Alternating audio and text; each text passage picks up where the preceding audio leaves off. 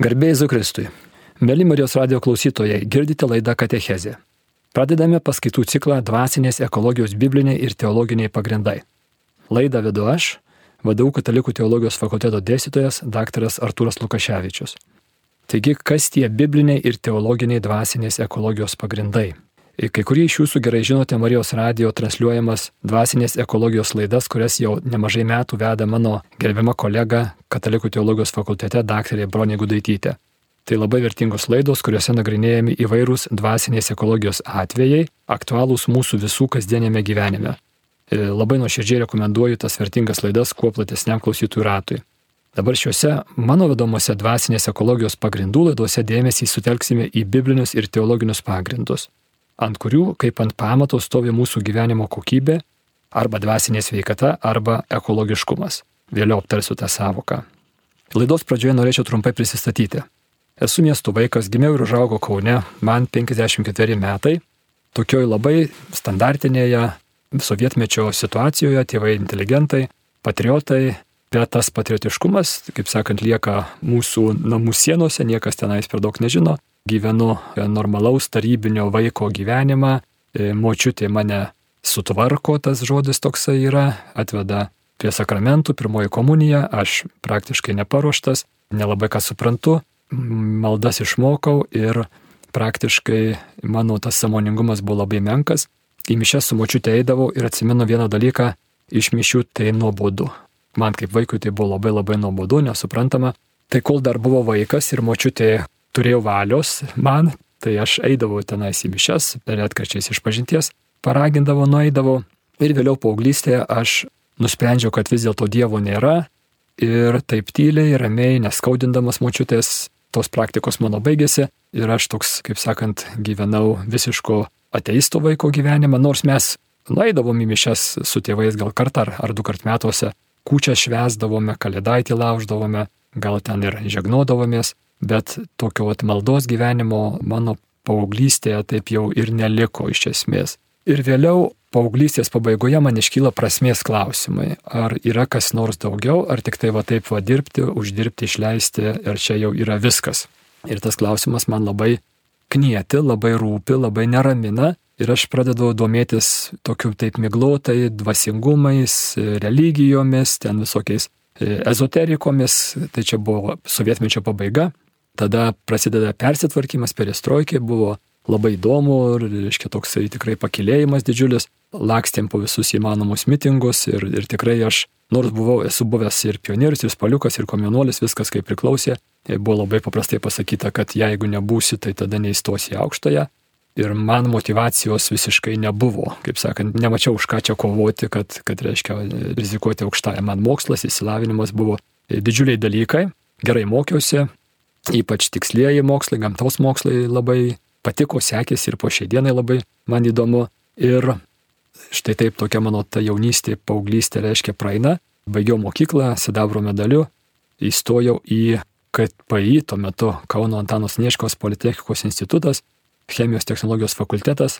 Ir studijuodamas suprantu, kad vis dėlto aš nenorėsiu su chemija susijęti savo gyvenimą, nors, kaip sakiau, gamtos mokslai man įdomus ir patinka bet vis dėlto kažkaip tai rūpi kažkas tai kitas man, labiau knieti va tie tokie metafiziniai klausimai apie žmogų, kas yra žmogus ir kaip, jisai, kaip jis veikia, kaip, čia, kaip šiam čia to žemėje gyventi reikėtų.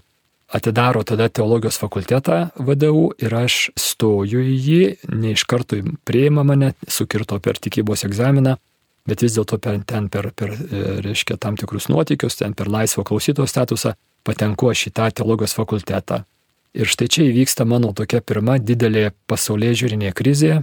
Aš suprantu, kad mums vietmečių melavo, sakydami, kad žmogus yra arba įsilavinęs, arba tikintis. Iškia, aš štai buvau išmokytas, kad, kad įsilavinęs žmogus iš esmės negali būti tikintis. Tikintys yra tik tai neįsilavinę, tamsus žmonės, mažaraščiai, o įsilavinę žmonės yra netikintys. Ir, ir aš suprantu, pamatau, kad mums melavo, nes mūsų dėstytojai teologijos fakultete baigė pačius geriausius pasaulio universitetus, yra giliai tikinti žmonės, padaro man didžiulį įspūdį. Vėliau studijuodamas sužinau, pamatau, kad iš tikrųjų tai buvo sovietmečio melas, nes e, visų laikų patys garsiausi mokslininkai, ypač gamtamokslininkai, tų, kurių vardais pavadinti matavimo vienetai, visokie tenai Newtonas, Paskalis ir, ir kiti buvo ne tik tikintys, buvo giliai tikintys žmonės. Ir ne tik tai prieš 500 metų ar 4, o, bet ir 20 amžiaus Nobelio premijos laureatai Maksas Plankas, kvantų mechanikos kuriejas, reiškia, buvo giliai tikintis žmogus. Na va, tai man tas padaro didžiulį įspūdį, nes man tikėjimas ir, reiškia, ir mokslas, ta, ta įtampa buvo problema didžiulė ir aš, reiškia, jeigu tuo metu būtų reikėję rinktis, ar būčiau rinkęsis mokslą. Ir, ir didžiulė mano džiaugsmui, tikėjimas ir mokslas nėra priešai, yra sąjungininkai. Ir, ir aš susitaikęs savo viduje, neriu į teologijos studijas, man labai įdomu, bet vis dėlto tos studijos man yra daugiau tokios teorinės, reiškia, aš, aš katalikybę matau kaip tokią naudingą ir gerą ideologiją, idėjų sistemą, kuri pakeičia blogą idėjų sistemą, blogą ideologiją, tai yra komunizmas, socializmas, reiškia visi tie izmai ir štai čia ateina geresnė ideologija, kurios, reiškia, jeigu jos laikysimės, tai bus geresni rezultatai visuomeniniai, mažiau vagių, mažiau nusikaltimų, taip pat geresni rezultatai ir asmeniniai, reiškia, mažiau bus visokiausių, reiškia, asmeninių, e, psichologinių problemų, jeigu mes save įtikinsime, kad yra Dievas. Taigi, e, studijuoju aš tam teologijos fakultete, man tenai viskas patinka, e, gilinuosi į jį, bet katalikybę matau daugiau tokią kaip teoriją, tokią teorinę gerą sistemą, Ir, ir tada draugauju su grupiokė ir mane panelė nusiveda į tuo metu, tai čia buvo 91 metų ruduo, tokia reiškia negirdėta, neregėta tuo metu vieta, tai yra maldos grupė. Ir aš tenai pamatau žmonės, kurie, kurie nėra nei kunigai, nei vienuoliai, nei teologijos studentai ir jiems, kaip sakant, pagal profesiją kaip ir neprivaloma gyventi katalikišką gyvenimą aktyviai ir jie tą daro. Ir aš susipažįstu su jais, vėliau jie tampa gyvųjų akmenų bendruomenė Ir man tai padaro didžiulį įspūdį, didžiulę įtaką. Sutinku žmonės, kurie paprasti, jauni, silavinę, kitų specialybių, ne teologai, reiškia jaunos šeimos ir jos, reiškia, aktyviai gyvena krikščioniškai gyvenimą, meldžiasi, bendromis gyvenimas aktyvus, ten keletą kartų per savaitę renkasi, tai kokiai tai reiškia maldos e, vakarui, tai, tai šlovinimo vakarui, tai, tai dar kokie tai pasidalinimo vakarai. Ir man padaro didžiulę įtaką tai, nes, nes aš nebuvau to matęs niekada gyvenime. Aš čia 91 metai, tai jau į mišęs aš eidavau sekmadieniais ir gal ir dažniau, bet vis dėlto tokio neformalaus, gyvo, spontaniško krikščioniškumo dar nebuvau sutikęs. Ir štai jie parodo man tiesiog, aš pirmą kartą gyvenime su tuo susiduriu taip pat tiesiog kaktomuša. Padaro man didžiulę įtaką ir aš pamatau, kad krikščionybė yra ne tik tai naudinga tokia sistema tam tikra, bet reiškia, bet tai yra gyvenimo būdas. Tada išvažiuoju į Taizę naujų metų sutikimą Budapešte, 91 metų gruodžio mėnuo ir, ir štai, reiškia, grįžtu, nu, iš esmės kitas žmogus. Aš esu labai logiškai mąstantis, labai kritiškai mąstantis, savo tuo loginiu mąstymu labai pasitikiu ir, ir, ir net didžiuojuosi. Ir, ir štai dabar man padaro įtaką ir, ir mano dvasiniam gyvenimui lemiamas lūžis įvyksta per tas nuostabės, paprastas, melodingas taizė gesmelės. Reiškia, jokios tenais nei logikos didelės nėra, nei nei kritinio mąstymo reikia. Kažkaip tai man tampa aišku, kad katalikybė yra ne, ne šiaip tik tai tokia naudinga idėjų sistema, bet tai yra tiesa. Taip tiesiog yra. O ar bus tenais naudinga, ar sunku, ar žalinga, čia kitas reikalas. Tiesiog taip yra. Na štai, e, grįžtu tada į Lietuvą iš tos taizės, studijuoju toliau metus laiko teologijos fakultete, po metų išvažiuoju į Junktinės valstijas, užbaigiu teologijos bakalaurą, dar du metai magistrą, dar metus mokytojauju Amerikoje, irgi buvo patirtis e, tokia svarbi asmeniniam susigaudimui. Ir tada 97 metais grįžtu, 98 metais susitokiu, e, nesu tą panelę, kurią draugavome, su ją, taip sakant, sėkmingai, laimingai, draugiškai įsiskyrėme, likom dabar draugavom šeimomis. Ir mano žmona buvo iš tos pirminės grupės gyvo akmenų. Ir, ir po pusantrų metų gimsta dukra mūsų pirmoji, tada po keturių metų sunus ir po devynių metų dar vienas sunus. Turiu tris vaikus Ir mano profesija taip ir liko. Likau teologijoje, mano sritis yra katechezė, e, esu katechetas, reiškia mano darbas yra kalbėtis su žmonėmis apie pačius svarbiausius dalykus, apie tai, kas mes esame, iš kur mes ateiname ir kur mes einame. Tai kas gali būti įdomiau, darau tą jau dabar, kiek čia metų, jau toj bus 25 metai. Labai patinka ir šitas paskaitų ciklas dvasinės ekologijos pagrindai, bibliniai ir teologiniai pagrindai yra kaip mano pirmas bandymas pačiam pravesti kažką tai plačių mastų per Marijos radiją. Tai labai esu dėkingas ir labai džiaugiuosi tuo. Taigi, kas yra ta dvasinė ekologija? Jeigu pažiūrėsime internete, matysime, kad ši savoka yra visiškai neaiški, neapibriešta ir labai dažnai naudojama. Labai plačiai paplitusi jau praktiškai kokie 4-50 mečiai, reiškia, jinai, jinai yra tiesiog e, labai plačiai paplitusi. Ja naudoja patys įvairiausi judėjimai, visokiausi dvasingumai, siejantis gamtos išsaugojimo pastangas kaip taisyklė ir kažkokį tai dvasingumą, labai dažnai nekrikščionišką, tenais yra visko, ko tik nori, New Age ir visokiausių rytų ir vakarų, dažniausiai įvairiausi keistokie miksai. Taigi klausimas iškyla, ar ši savoka dera katalikui, ar mes galime štai iš katalikiškos pusės kažką čia tinkamo ir, ir vaisingo pasakyti. Tai popiežius Pranciškus 2015 e, metais paskelbė encikliką Leudato Si, su kuria jisai labai ryštingai katalikų bažnyčią įtraukė į šitą diskursą, į, į, reiškia, į, į tą visą dvasinės ekologijos e, tematiką. Ir jeigu vėl pasižiūrėsime internete, pamatysime, kad pagrindiniuose puslapiuose kalbančiuose apie dvasinę ekologiją popiežius Pranciškus minimas kaip vienas iš pagrindinių autoritetų tuo klausimu. Ir tai būtent dėl šitos enciklikos jau šiemet aštuoni metai sueis jai, Liaudato Si, būk pagarbintas mano viešpatė Šventojo Pranciškos Asižiečio, garsiosios Saulės giesmės pirmieji žodžiai, paimti kaip tos enciklikos pavadinimas. Ir dabar kokia mintis tokia pagrindinė, jeigu reiktų taip trumpai pasakyti, tai jisai aiškiai pasako, kad bažnyčios požiūrių ryšys tarp katalikiško dvasingumo ir gamtos išsaugojimo, gamtos tausojimo yra tiesioginis ir labai akivaizdus. Ir jisai labai plačiai naudoja savoką integrali ekologija, kuri apima tris lygmenis. Pirmas lygmuo tai būtų žmogaus santykio su pačiu savimi. Lygmuo tai yra jo vidaus pasaulio sutvarkymas, reiškia, kaip galima sakyti, širdies ekologija. Tas, tas va, asmens lygmuo. Tada antras lygmuo, kurį liečia popiežius, bus žmogaus santykio su kitu žmogumi sutvarkymas. Tai būtų visuomenės lygmuo, Ir tada trečiasis lygmo būtų žmogaus santykio su gyvaja bei negyvaja gamta sutvarkymas. Būtų galima jį pavadinti aplinkos saugos lygmo. Tai štai e, šitie trys lygmenys yra ir, ir popiežius labai aiškiai sako, jie visi yra susiję. Mes negalime sutvarkyti žmogaus santykio, mūsų visuomenės santykio, technologijų santykio su gyvaja bei negyvaja gamta, jeigu nebūsim susitvarkę savo vidaus. Ir va šitas tas vidaus pasaulio sutvarkymas vis dar stokojantis yra. Paaiškė, kad mūsų vidus e, sąlygoja, jeigu jis netvarkingas, jisai sąlygoja netvarką, destrukciją išorėje. Yra graži citata, kurią prieš jau prieš daug metų yra pasakęs Džeimsas Gustavas Petas. Jisai buvo JAV valstybės patarėjas klimato kaitos klausimais, tai reiškia labai aukštas autoritetas. Ir šitos ryties aplinkosaugos labai aukštas autoritetas po šiai dienai, dabar jau, jau garbaus amžiaus žmogus ar, ar net ir iškeliavęs į amžinybę. Ir štai jo citata labai tiksliai apibūdina tą problemą, kad reiškia mes negalim sutvarkyti gamtos saugos, aplinkos saugos, gamtos tausojimo, jeigu nesusitvarkysim savo vidaus. Taigi šitas žmogus, kurio darbas buvo aplinkos sauga, štai ką pasakė, sako, anksčiau maniau, kad didžiausia aplinkos saugos problema yra bio įvairovės mažėjimas, ekosistemų griuvimas ir klimato kaita. Aš maniau, kad per 30 metų mokslas šias problemas įspręs. Aš klydau. Pačios svarbiausios aplinkosaugos problemos yra savanaudiškumas, godumas ir apatija. O kad tai veiktume, mums reikia kultūrinės ir dvasinės transformacijos. O mes mokslininkai nežinome, kaip tai padaryti. Tai va šitas žmogus iš savo kaip aplinkosaugininko darbo profesijos pusės, būdamas išvalgus, pamatė tą, tą gilesnę daug problemą, kol mes būsime pasidavę godumui, gamta tiesiog net laikys mūsų, mūsų reiškia, noro ją eksploatuoti ir mūsų daiktų troškulio ir, ir, ir mes ją sugriausim, suniokosim.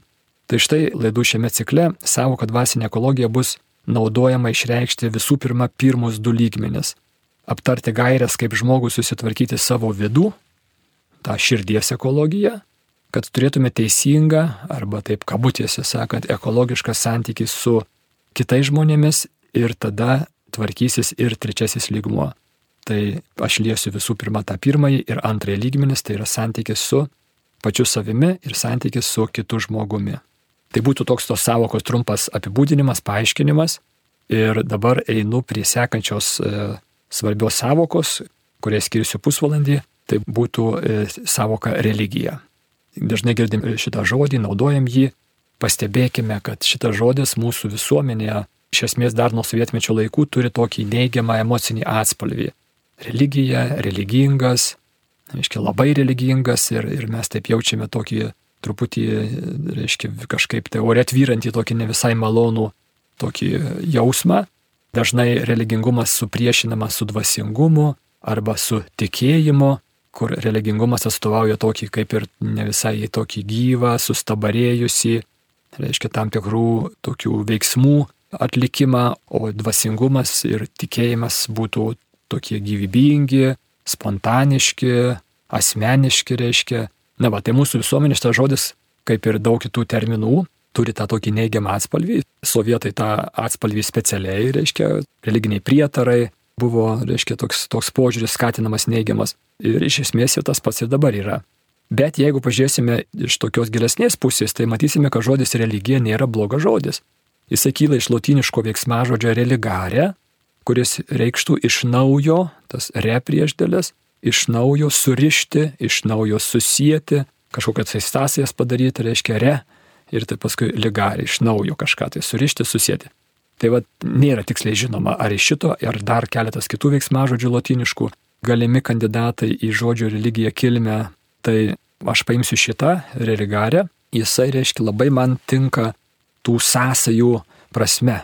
Jeigu tas žodis kyla iš šito veiksmažodžio, tai tada, reiškia, mes galime išvelgti tam žodyje tas sąsajų galimybę. Reiškia, ta religija yra tai, kas padeda man susisieti, susijęti savo gyvenimą, savo kasdienybę su platesniu kontekstu ir ypač su galutiniais dalykais.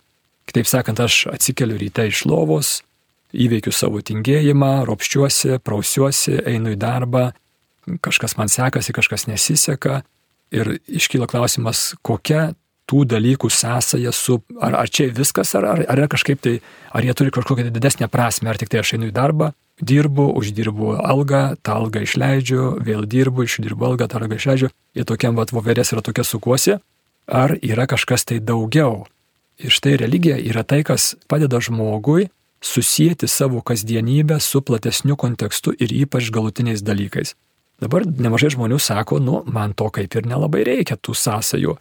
Ir tikrai, kol mes esame sveiki ir, ir gyvi, ir jauni ypatingai, reiškia, viskas mums dar neblogai einasi, tai mes e, šito klausimo dažnai ir nekeliam. Bet žiūrėkite, lyga, ypatingai sunki lyga, gal mirtina lyga, nelaimė, netektis.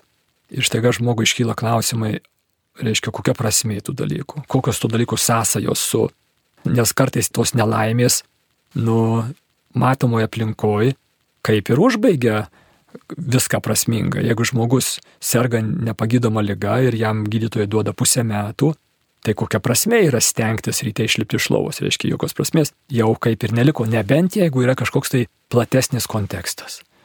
Ir štai reiškia, religija yra tai, kad žmogui duoda tą platesnį kontekstą ir, ir duoda, galim būti taip įsivaizduoti, kad religija tai yra, yra toksai žiburys arba va, šviestuvas, kuris šviečia iš aukščiau jeigu mūsų kasdienybėje mes matome savo tokiam, vat, nu, kasdienėme aplinkoje, galima būti įsivaizduoti kaip sustalinė lempa, reiškia, tai neapšviečia tenais, nu, kažkokį tai šviesos ratą ant stalo ir, ir čia mūsų kasdienybė yra, bet už to šviesos rato yra tamsa ir aš nežinau, kas už tos dienos yra kas nors toliau ar nėra kas nors toliau. Tai religija yra tai, kas apšviečia plačiau. Ir žmonėms šitie klausimai, kas yra plačiau, iškyla ypatingai kančios, netekties, mirties akivaizdoje, kai kada ir, ir, ir, reiškia, ir be šitų skaudžių išgyvenimų, reiškia, iškyla klausimas, ar yra kažkas tai daugiau. Tai štai religija yra pastanga į tai atsakyti. Ir va šita prasme žmogus visada yra bandantis ieškoti tų sąsajų, platesnių sąsajų, ypač su galutiniais dalykais. Ir va šita prasme žmogus yra visada religinga būtybė. Katekizmas mums sako, žmogus yra homo religiozus. Tai yra žmogus religingasis, tas, kuris visą laiką yra nukreiptas į tų e, prasmės sąsajų ieškojimą su platesniu kontekstu, ypač su galutiniu kontekstu. Ir tas galutinis kontekstas neišvengiamai nueina iki materijos, iki materialos pasaulio ribų. Nes labai paprastas dalykas - su mirtimi mūsų kūnas baigėsi. Ir iškyla labai svarbus klausimas, o ar yra kažkas tai daugiau? Ar tas kūnas baigėsi ir čia jau viskas su juo? Ir štai mokslas, aš chemiją studijavau, maisto technologiją, tai visa organika, ten visi baltymai, visa tai, nu jie suyra, reiškia, jie suyra ir iš, iš to nieko nelieka, jie, reiškia, suyra į, į neorganinius kokius tai darinius, jie vėl įsisavinami yra. Ir dabar klausimas yra, ar čia viskas, ar yra kažkas tai daugiau. Ir mokslas neatsako to klausimo, sako, kūno požiūrio yra viskas, bet ar yra kažkas daugiau negu kūnas, mokslas nežino. O ir žmogus visą laiką, reiškia, turėjo tokį nuojautą, kad yra kažkas tai daugiau. Ir, ir net, sakyčiau, net nenuojautą, tokį, tokį įsitikinimą turėjo. Ir visą laiką jisai beldėsi į tą anapusybę, ieškodamas ryšio su tuo kažkuo tai daugiau. Iškia, žmogui visą laiką rūpėjo kažkaip tai daugiau pamatyti, platesnio konteksto. Jisai buvo įsitikinęs, kad ne, nesibaigė viskas su mirtimi. Ir štai religijos yra, pasaulio religijos yra žmogaus pastangos užmėgsti ir palaikyti ryšį su ta anapusinė arba transcendentinė, arba dvasinė, ar antgamtinė, ar kaip jie kitaip be pavadinsime, realybė. Ir žmonijos istorija susiformavo didžiulė, didžiulė įvairovė tų, tų sistemų, tų religijų, įvairiais kultūriniais, reiškia, laikotarpiais, įvairios civilizacijos, įvairios e, grupės, gentys, reiškia, sukurdavo savo sistemas to bandymų užmėgsti, tos religijos apimdavo pasaulyje žiūrą, tai reiškia tam tikrą sampratą, kas yra dievai, ar dievas, ar dievybės, e, koks yra santykis tarp dievybių ir žmonių, koks turėtų būti santykis tarp žmonių ir likusios kūrinijos, ar žmonių tarpusavėje, reiškia tam tikra tokia pasaulyje žiūra, religija visą laiką būna, tada tam tikra ritualinių, simbolinių veiksmų sistema, kurių pagalba žmogus bando tą ryšį su antgamtiniu pasauliu palaikyti. Ir tada yra tam tikras elgesio kodas, tam tikri elgesio taisyklės. Reiškia, žmonija visą laiką tikėjo, kad, kad antgamtinis pasaulis įpareigoja žmogų tam tikram elgesiu, tam tikroms taisyklėms. Ir va šitie būtų trys pagrindiniai ir šalia tų pagrindinių dar yra įvairiausių smulkesnių kitų elementų. Štai, reiškia, žmonija per visą savo egzistavimą yra visą laiką religinga žmogus visą laiką yra homo religiozus. Dabar ši čia būtų klausimas, ar tikrai sovietmečiu mes buvome įtikinėjami, kad religija yra vėlyvas labai reiškinys, klasių kovos padarinys, kaip dažniausiai marksistai, reiškia viską, viską į tai suvesdavo, redukuodavo, o pradžioje žmogus buvo spontaniškas materialistas, toks terminas buvo naudojamas. Na, va, bet e, istorija, archeologija, reiškia antropologija šitą hipotezę paneigia Ne, žmogus nuo pat savo atsiradimo šioje žemėje yra religinga būtybė, besibeldžianti, besiveržianti į anapusybę. Ir nuo pat e, žmonijos atsiradimo šioje žemėje, taip archeologai sako, prieš maždaug šimtą tūkstančių metų, šita rūšis, Homo sapiens sapiens rūšis atsiranda šioje žemėje. Nuo pat atsiradimo šioje žemėje žmogus yra religingas, reiškia, yra besiveržiantis į anapusybę. Ir tas veržulys, tas žmogaus nenurimimas šia pusybėje, tik materialiam pasaulyje. Ir, reiškia, jisai įsireikždavo didžiulį įvairovę visokiausių tų simbolinių veiksmų, ir maldų, ir ritualų, ir apieigų, ir ta įvairovė didžiulė yra. Ir nuo pat, nuo pat savo atsiradimo šioje žemėje, kiek jau archeologija siekia ir mes galime tą konstatuoti, reiškia, žmogus visą laiką stato šventvietės. Visą laiką aukoja tam tikrą savo sunkiai uždirbto laimikio arba derliaus dalį.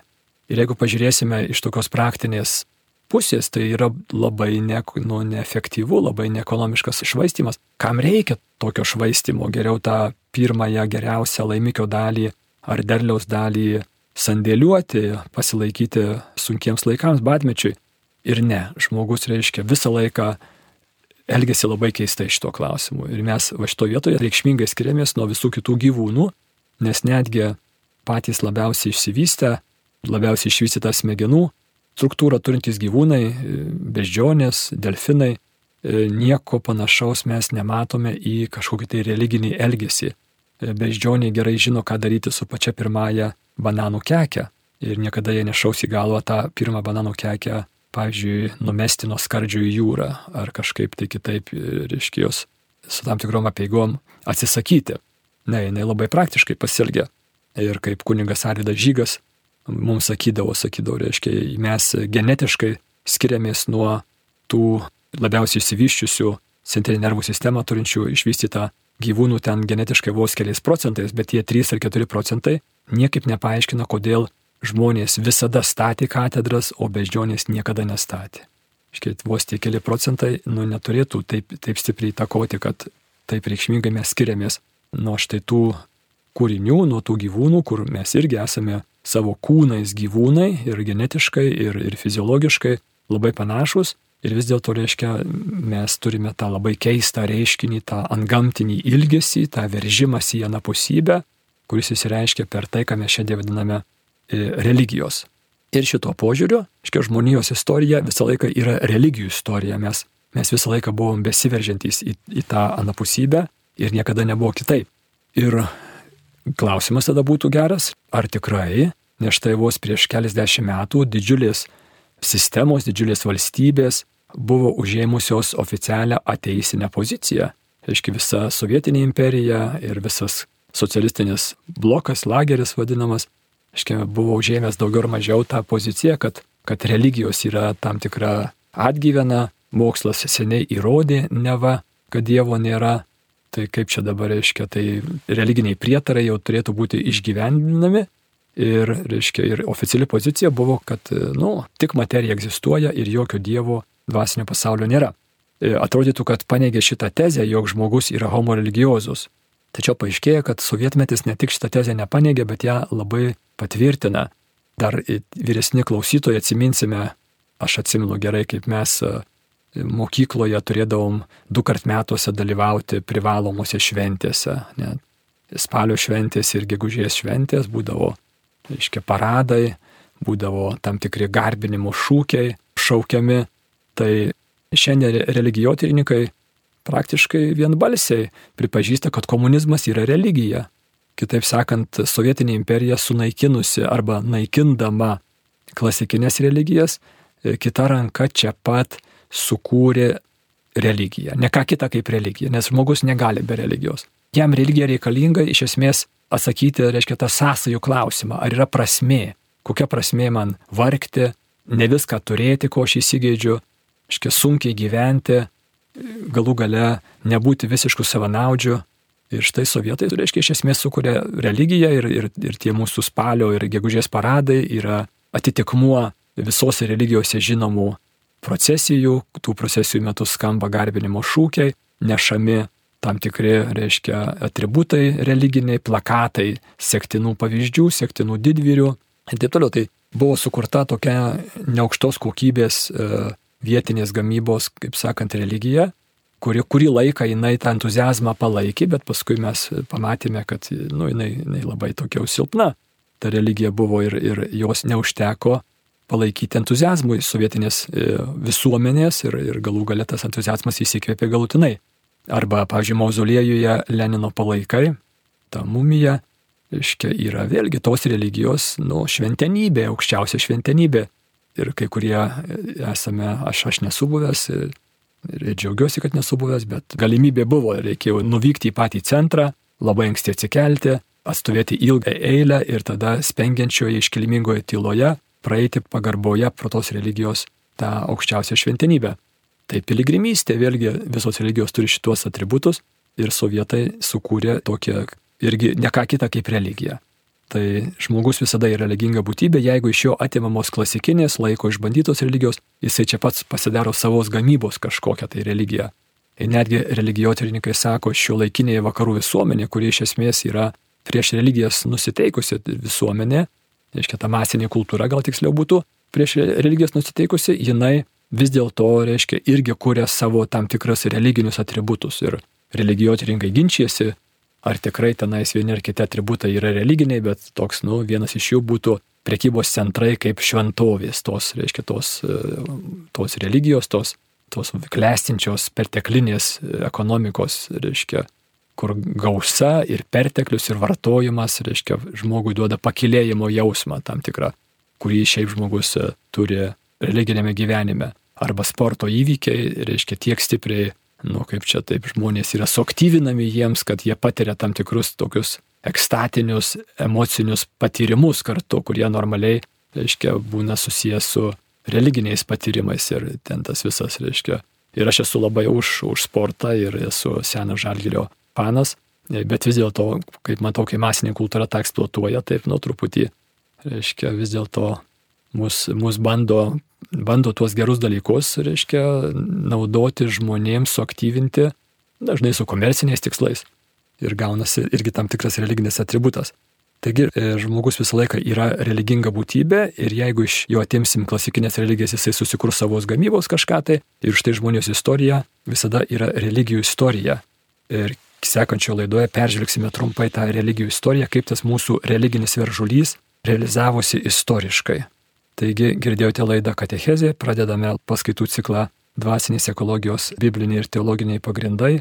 Laidą vedžiau aš, Artūras Lukaševičius, Katalikų teologijos fakulteto dėstytojas. Viso geriausio garbė Jėzui Kristui.